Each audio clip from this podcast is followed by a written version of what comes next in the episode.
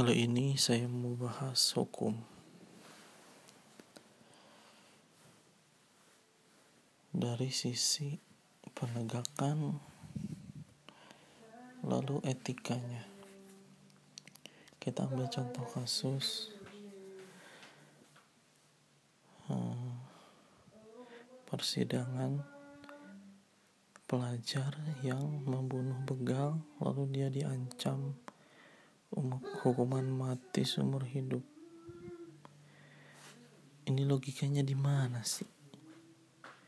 Ini kan gua saya ceritain dulu nih hmm, kronologinya. Jadi ZA sama pacarnya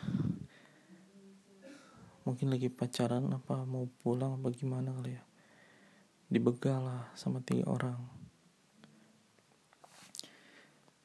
Udah dibegal mau dirampok si ZA ini bilang saya cuma punya ini bang.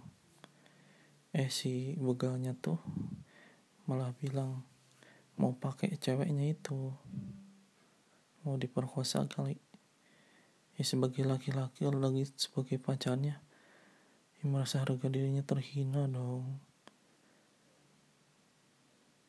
Akhirnya dia melawan dan nusuk pakai pisau yang mengakibatkan salah satu begal mati cuman yang menjadi pertanyaan kok bisa itu jaksa nuntut CJA ini pakai pasal pembunuhan berencana? Emang dia sebelum berangkat dia berencana bunuh tuh begal? Lah kan begalnya yang nyamperin.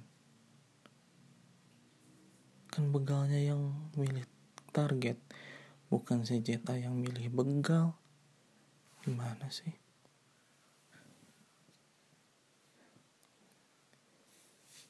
nggak masuk akal aja gitu.